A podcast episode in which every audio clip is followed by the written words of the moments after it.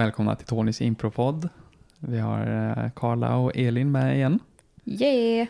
Back for round two! Yeah. Woo! Och eh, det här har jag inte sagt, men Elin, eh, jag brukar i de här snackavsnitten, om det är någon ny gäst, introducera lite vem den är. Ooh. Och eh, ja, du är improvisatör såklart. Uh, är med i Lillebror, Mm. house-teamet på Gbg Impro. Ehm, och ja, jag vet inte. Ja, Du gjorde själv reklam för Teater Sigrid, som är ditt som är... manusteaterprojekt. Ja, precis. Det är jag och mina två kompisar som har en frigrupp tillsammans.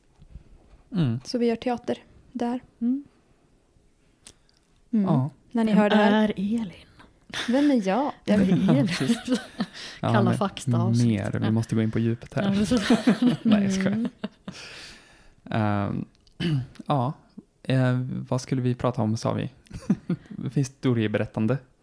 ja, att skapa berättelser och eh, Mm. bygga historier. Storytelling. Ja, Yeah. precis. Ehm, för du har ju skrivit en, eh, en pjäs. Det är, Ja, jätte, det är en jättespännande podd det här. Du intervjuar mig. Ja. ja, det har jag gjort. En pjäs har jag skrivit. Ehm, Mm. som var ganska självbiografisk, eller handlade lite om eh, att leva typ ditt liv i alla fall. Ja, det var väldigt eh, baserat på mig. Det Ja. var vi, Teater Sigrid satt upp i april 2023. En eh, pjäs som heter Live, Laugh, Love liksom. Eh, som handlar om två tjejer i 25-årsåldern som har lite så, eh, de vill ha kreativa eh, kulturarbetarkarriärer Mm. Och känner sig lite fast i det. Och en går in i väldigt så här, toxic positivity, eller så här, hoppfull på ett ganska världsfrånvänt, eh, maniskt sätt. Och den andra är mer så, jag ger upp för att allt suger. Mm. Eh, och det var min ingång, hur skulle, de, hur skulle två karaktärer eh, funka ihop? En som är väldigt hoppfull, en som är väldigt negativ. Jag Det är skrev det här ganska under... vanligt i just den åldern också, att man är det ena eller det Ja, alltså det, jag började liksom. skriva den Ja. under pandemin där jag själv satt eh, i en lägenhet i Jönköping. Jag hade tagit examen precis från eh, globala studier. Fick inga jobb, var Mm. ensam, isolerad. Kände, vad är, vad är syftet? What's the point? Men, Men det det, är väl, det är väl ganska relaterbart när man är runt 30 och bara så, Mm. vad, eh, mm. vad fan ska jag göra? Ja, ja, verkligen.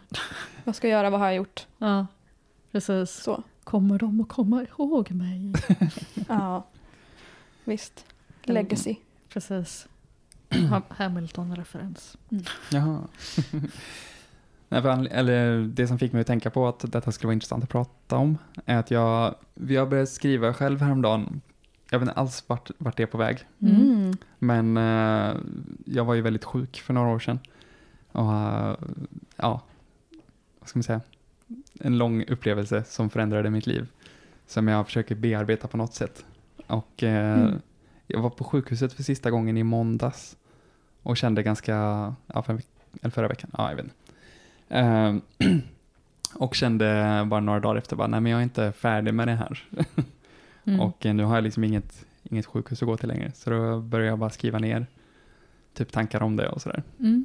Eh, och tänker, jag vet inte vad detta ska bli, men uh, någonting, eh, någon, jag vill skapa någonting Ja, Mm. som berättar den här historien liksom. ja. ja men jag känner igen just det här att man inte vet vad det ska bli av det. För Mm. jag har liksom saker som jag har jobbat med i många år liksom. Och sen så här blir det att, ja fan, vad blir det inget av det här? Liksom, det är inget jag kommer publicera. Jag kan lika gärna använda det i ett rollspel. Vad skriver du för någonting?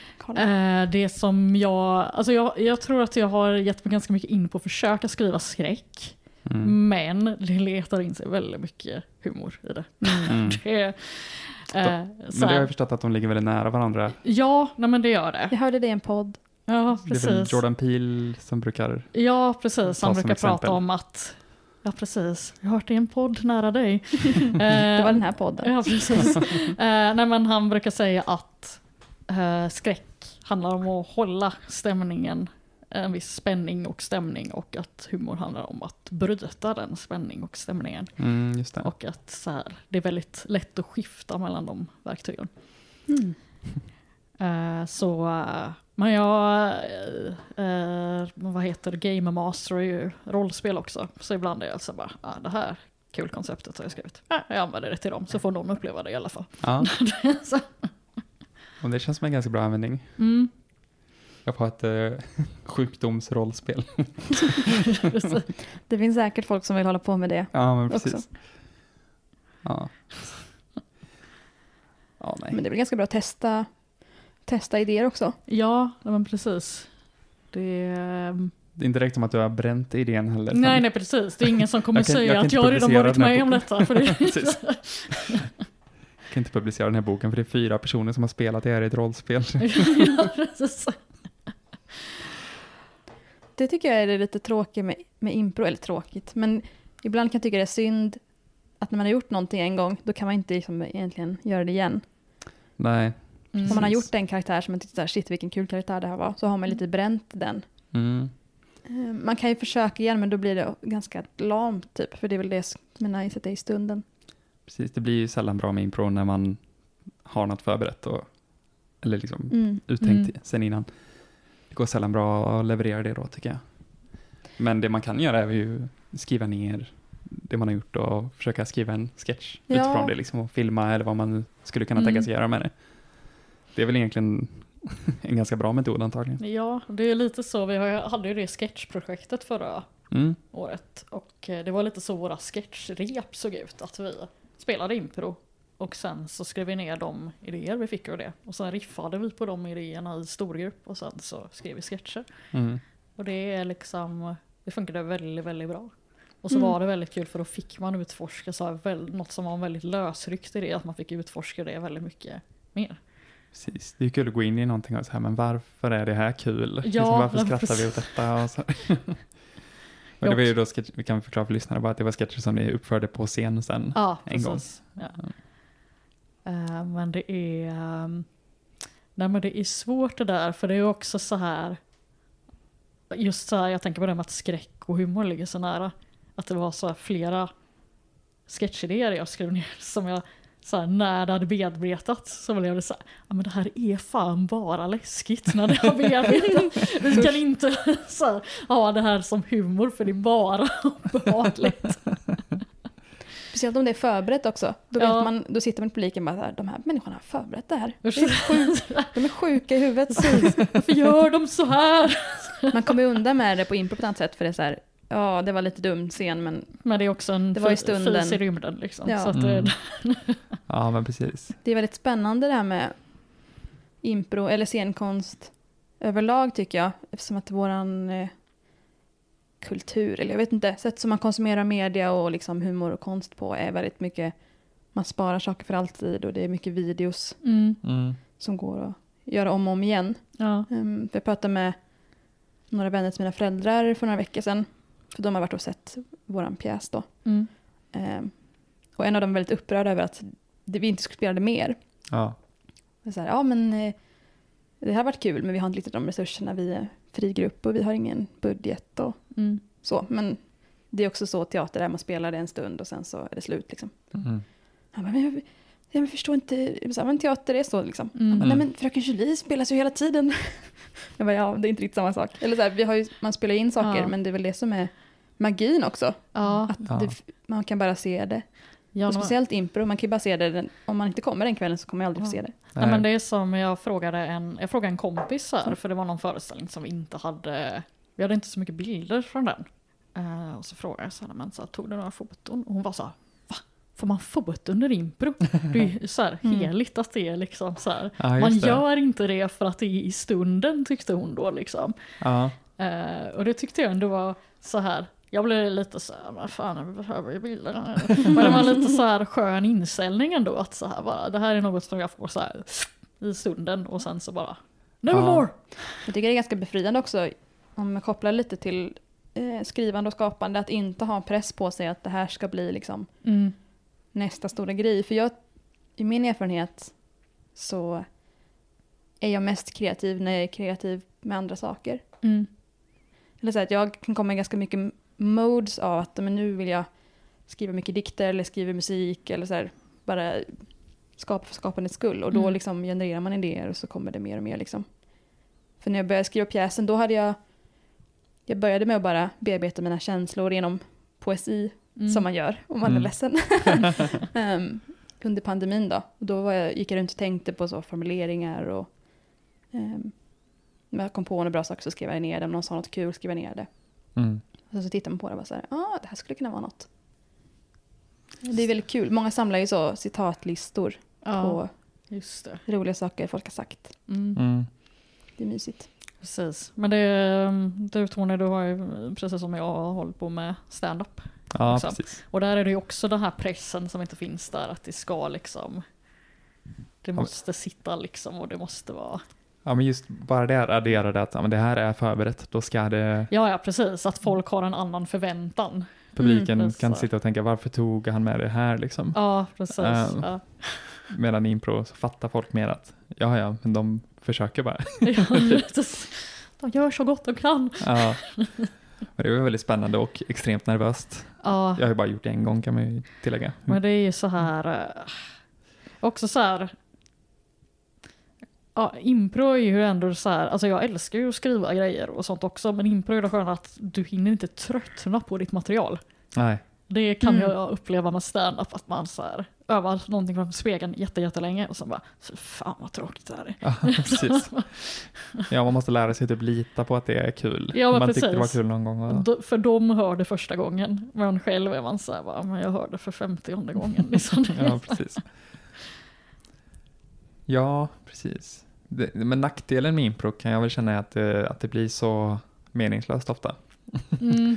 Eh, att anledningen till att man kanske dras mot att skriva någonting är väl då snarare att då kan man faktiskt säga någonting också och liksom få fram något, jag vet inte om budskap, men Mm. man, ja, ja, men kanske historieberättande. Man vill, man, ja, någonting med lite mer substans än, än vad impro ibland kan kännas som att jag har. Ja, det är fint att tänka igenom saker flera varv och sen spela upp det för folk. Eller liksom visa Mm. eller skriva en bok. Ja, eller hur man nu gör. precis. Precis. Ja, min, jag tycker ofta det är när jag läser, jag läser mycket böcker. Jag jobbar också i bokaffär så det hör till Mm. mitt jobb Mm. lite. Men jag älskar ju debutromaner. Mm. Nästan alla mina favoritböcker är folks debuter liksom. Mm. Och jag har en sorts känsla av att den första boken folk skriver är någonting som de bara var tvungna att få ur sig. Mm. Ja, Liksom jag hade den här berättelsen in i mig, jag måste skriva den. Ja. Och sen uppföljarna, eller andra böcker sen, det är andra historier. Men det är inte li- riktigt lika angeläget, tänker jag. nej precis. Ja, det är väl lite den här eh, second album, vad brukar man säga, att ett band har hela livet på sig att göra sitt första album och sen Mm. ett år och göra Mm. det andra. Liksom. Intressant kan jag tycka att så här ofta i, i filmen så här så är det ju ofta att typ del två brukar vara bra i typ trilogier och sånt. Jaha, Typ så här Rymdimperiet slår tillbaka Ja, och Gudfadern 2 och sånt. Att det, undrar varför det är så här. Men det kanske är så här mer att det är liksom mer storpublikbaserat så att man får ett så pass bra feedback. Så pass bra och tydlig feedback så att det blir något, eh, går, går att göra något bättre av det. Och, så är det väl manglat av ett produktionsbolag mer så det kanske inte är liksom så här min sanning på samma sätt som en bok kan vara. Liksom. Det, Jag tycker att i fantasy-trilogier så kan ju ofta andra boken lida av som middle book syndrome. mm, att det är? Transportsträckan, ja. Mm. Första boken, spännande för då skapar man ett nytt, ett nytt system, en ny värld, nya karaktärer. Man lär känna dem och sen sista boken, trean då oftast. Mm, Där ska ju upplösningen vara. mm. just det. Jag kan nog däremot ofta känna, om vi ska snacka trilogier, att ibland kan de inte riktigt leverera på den här stora Nej, är finalen sant. som det ska vara i en Ja. fantasy-trilogi eller sci-fi. Mm. Vissa vägrar ju att skriva den. Jag är väldigt Mm. bitter. Mm. För jag har väntat på Patrick Rothfuss tredje bok i tio år nu tror jag. Jaha. Jag lånar ut den första boken till Tony. Mm. Så du kan också få lida. Ska börja på den snart, jag lovar. Mm. men, eh, men jag tänker så här, jag tänkte på du börjat eh, skriva där Tony. Mm. Vad tänker du är så här, det här är min kreativa process just gällande det du har. Har du någon specifik kreativ process sådär eller är det så här? Nej, alltså jag Ja. börjar tänka ganska mycket, min första bild av vad det ska vara är typ sketch, en sketchfilm typ. Mm. Som bygger lite på det här Armando-formatet. Eller så här, man hoppar mellan en sann monolog och en sketch typ. Mm. Så jag börjat skriva monologer. Det blir nästan dikt, dikter liksom, varje monolog. Så jag skriver en monolog som är några rader. Sen sätter jag ett streck och så bara, här ska in en sketch. Monolog, streck. Och jag har inte fyllt i med sketcherna. Mm. Sen så länge är det bara liksom eh, korta partier där jag ehm, skriver vad som har hänt och känslor och tankar om det typ. Ehm, jag tänker lite jag tänker lite sommarprat fast med sketcher istället för låtarna. Mm. Åh, Kul. Eh, så lite den ingången har jag i det. det är, eh, det är svinbra. Ja, visst är det. Nej men det är det. För ibland kan jag så här, just i sommarprat, kan jag känna att så här, de tangerar något som jag vill att de ska utforska mer. Mm. Det känns som att de bara, vi släpper det och spelar en låt. Ja, Att det precis. blir så här, att jag blir lite så här, jag kan bli lite frustrerad på sommarprat ibland. Sen förstår jag att man kanske inte vill blotta sig för hela svenska folket så här och verkligen gå in på djupet. Men det vill jag att de ska göra. Ja, precis. Mitt favorit som har pratat är Fredrik Reinfeldt som har pratat. Har ni hört det? Mhm. Nej, Det är fantastiskt för det är helt meningslöst. helt. Det här var efter att han hade slutat som eh, statsminister. Och då tänker man så här, wow, han måste ha intressanta precis. berättelser. Men det handlar mest om typ, han trodde att han var färdigshoppad för livet och sen så var han tvungen att köpa nya kläder för han hade bara kostymer. Mm.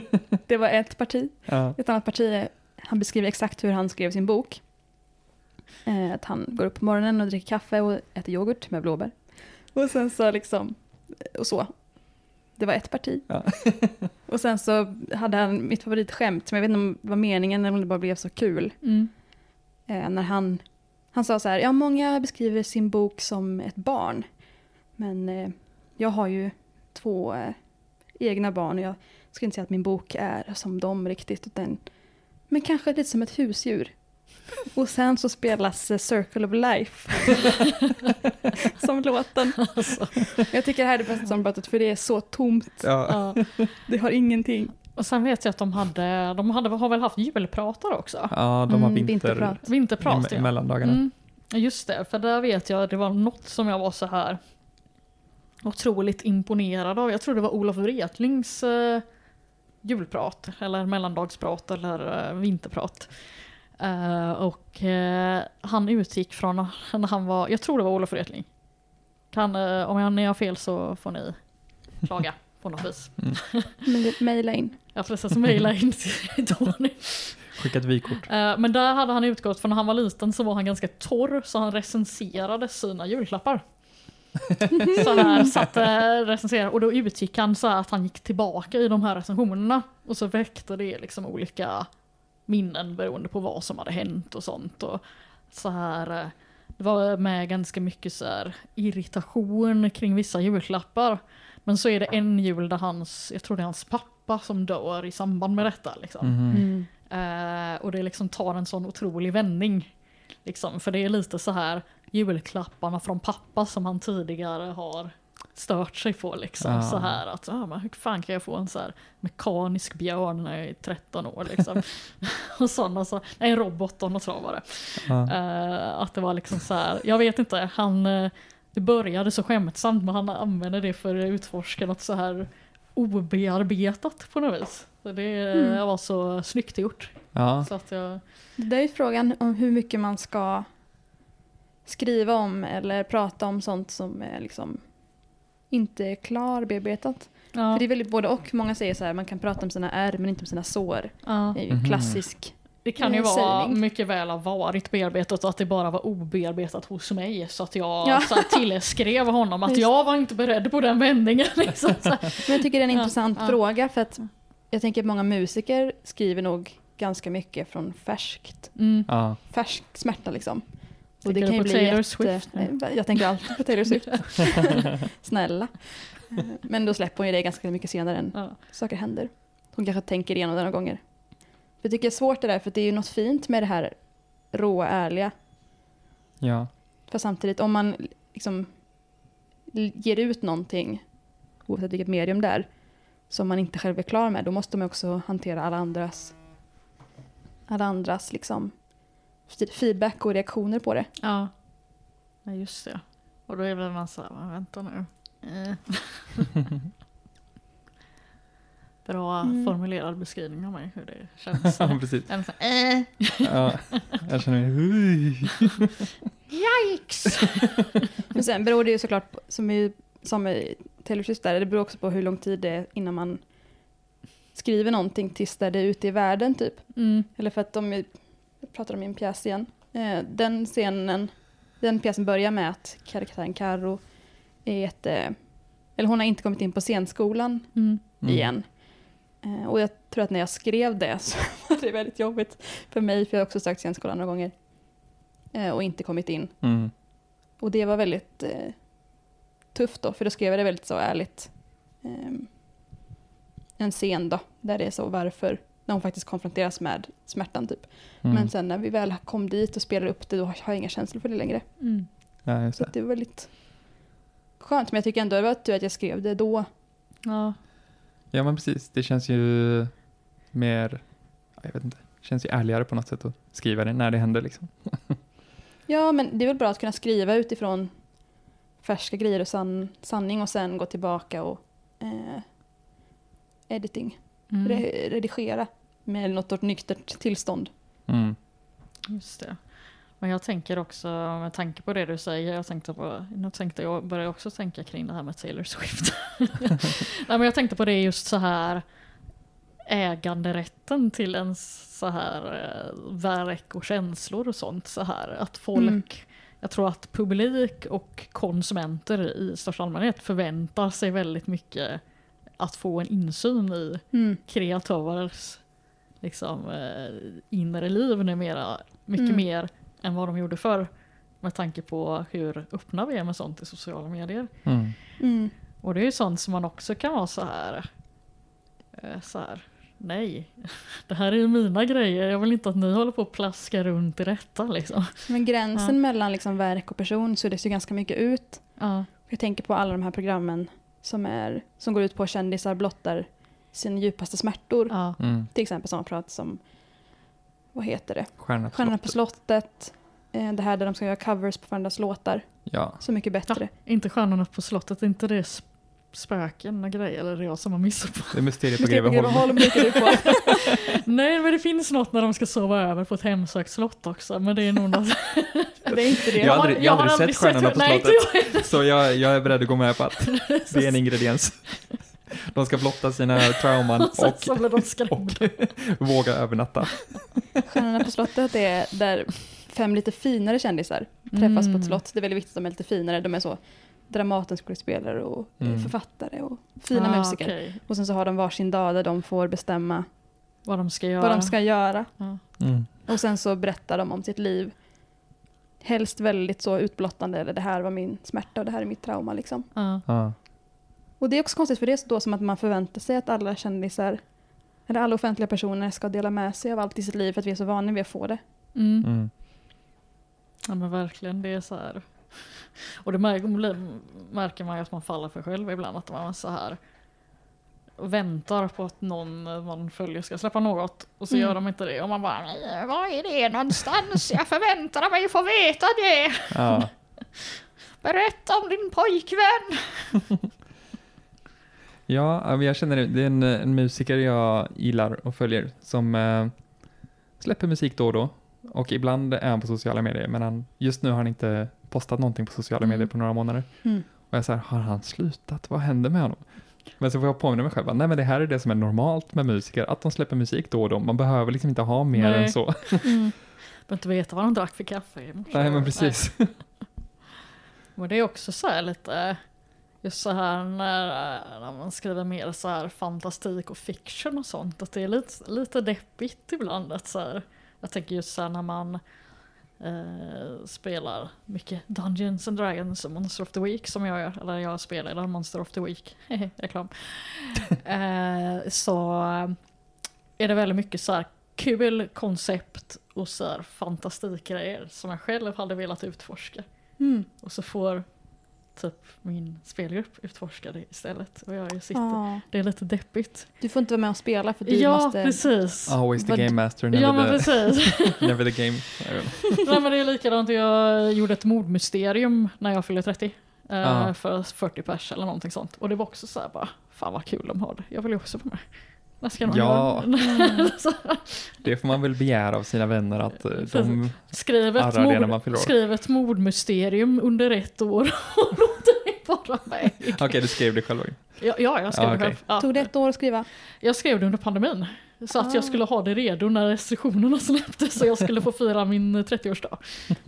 Kan du göra den igen? Ja det kan jag. Vad Ja. roligt. Ja. Jag har funderat på att göra en uppföljare också. Mm. Så här, eh, och även då bjuda folk som kanske inte man kände då, Mm. men känner nu. Vilka kan det vara? Vilka kan det vara? Kan det vara någon som har varit med i den här podden? Va? Ja, jag fick eh, när jag disputerade Ja. så eh, fixade mina vänner, det var inte att de hade skrivit själva, men då, då var jag så här, kan inte ni spela ett mordmysterium så jag får vara med? Mm. Det var kul. ja. Det var min di- disputationsfest. Ja men det är ju jättekul. Men, Mm. eh. Kul att få låtsas. Ja. Jag tror att det bor en lajvare i mig egentligen, men att jag tycker för lite om att vara i skogen. ja, men precis. Du har ju alla element förutom det. Att du inte gillar skogen då. Ja, Som precis. passar in. Ja, nej, men jag tror det, men det är just så, jag bara, nej inte skogen. Har du hört talas om att det finns andra live också? Va? Finns det, men det är sådana här typ, inte det ofta så här svåra vampyrer live och sånt? Du tänker Ja. på... Ja. Eller? Mm. Vad tänker Finns du? ett vampyrlive på eh, frilagret. Ja. Det kan du vara med på. ja, jag vet inte vad jag tycker om det alltså. Det låter kul. det Jag låter vill inte vara med, men det låter trevligt för de som gillar det. Mm. precis. Hmm. Det är alltid spännande att höra folk som lajvar eller rollspelar när man själv inte är med Mm. På offentliga platser. Ja, Det har jag varit med om på, ja, men just på frilagret. Jaha. Eh, reklam för frilagret. Kulturhus för folk mellan 13 och 30. Nära nice. Järntorget. På onsdagar så har de så kom och testa på rollspel Mm. med någon rollspelsförening. Ehm, jag brukar vara där, varit där på onsdagar för det har varit innan våra rep Mhm. ehm, med Sigrid. Mm. Så då har jag, första gången så var det så här, vad är det här för jätteobehagliga samtal? för, för då har jag hört att det kan vara så utbryta grupper. Ja, Att de liksom eh, rollspelar lite två och två. ja eh, precis. Men det var någon, första gången jag hörde det innan jag fattade vad det var. Då började jag bli lite så här, ska, ska jag kontakta någon för det här? Det känns ju väldigt konstigt för det är så här, Du fattar inte att de var i karaktär eller? nej jag fattar inte att de var Nej. karaktärer Okej. för att de satt ju bara och pratade liksom. Men det var lite så här, ja men vad kan du, eh, vad kan du liksom göra för mig? Lite så här småhotfullt. Ja, nej, men det, så- jag så- har också varit Ja. med om det. Att Mm. det är så här, jag tror jag satt på typ Café Cello eller något sånt någon gång. Och, och då var det just en Vampyr Lives grupp och satt och hade så här one-on-one så här innan pre-live sessioner med varandra. Mm. Och det var så obehagligt. Och jag bara, vad fan är det de gör? Liksom, så här. väldigt, nej men så här, som du säger, väldigt mycket så här. "Jaha, men om du gör det. Om jag gör det för dig så måste du göra det här för mig. Och så något så här Exakt så. gräsligt. Och man bara, innan man har fattat att det är rollspel, man bara, hjälp! Eller så var det bara så det var på det kaféet. Det, Ja, precis. Jag höll på lite med rollspel i tonåren. Ooh. Men det var också då, det var något rollspelsmord i, Halm, i Halmstad typ. Just det. Exakt då när jag höll på med rollspel. Alltså ett riktigt mord. Ja, Oj. som skylldes på eh, rollspelet. Mm. Så- Känns som Sverige fick den paniken väldigt sent. ja, men precis. Ja, Det- jag vet inte om det var någon rollspelspanik det på ju- 80-talet i Sverige. Men, Ja. För det var då det var i USA antar jag. Ja, precis. Antar jag. Ehm, men nej, precis där runt 2005-2006 kom någon liten våg av rollspelspanik i Sverige. Så mina föräldrar var ju, de var ändå lite emot att jag skulle hålla på med rollspel. Det var kul att man fick ut, utsättas för en sån moralpanik i alla fall i tonåren. Det är kul också att man får känna sig lite farlig Ja, om man är så rollspelsperson. Det sägs det är nog enda gången man får känna sig farlig som rollspel. Man är lite cool och rebellisk för att, Precis. för att man spelar rollspel med sina kompisar. ja. Snä, Precis. snälla, sluta spela rollspel. Gå och häng på ICA-parkeringen istället. Snälla. Ja, precis. Snälla kan du inte börja sniffa lim istället? Typ så. alltså, mina, Här får ja, du ett riktigt vapen istället så slipper du sitta med dina tärningar. det var, mina föräldrar köpte ut alkohol och sådär till mig i alla fall när jag var 15. Så. Exakt. De tänkte det är bättre. Precis. Det är Ja. bättre att Tony eh, dricker än att han spelar rollspel. Mm. Mm. Mm. Ja, men så här, ja, men, du behöver inte låtsas att du är en hobbit. Vill du inte heller dricka dig medvetslös på vodka? precis. Kan du inte vara lite mer som de andra barnen? Mm. Ska vi avsluta där ja. på den här veckan av Mm. Tonys impropodd? In och följ Teater Sigrid på Ja. Instagram. Kolla vad nästa projekt blir. Och även eh, Impro Lillebror Ja, just det. på Instagram. Precis, följ Fantasy-kanalen när vi kollar på recensioner av roliga böcker På Youtube. Mm. på Youtube. Hej då! Hej då! Hej då!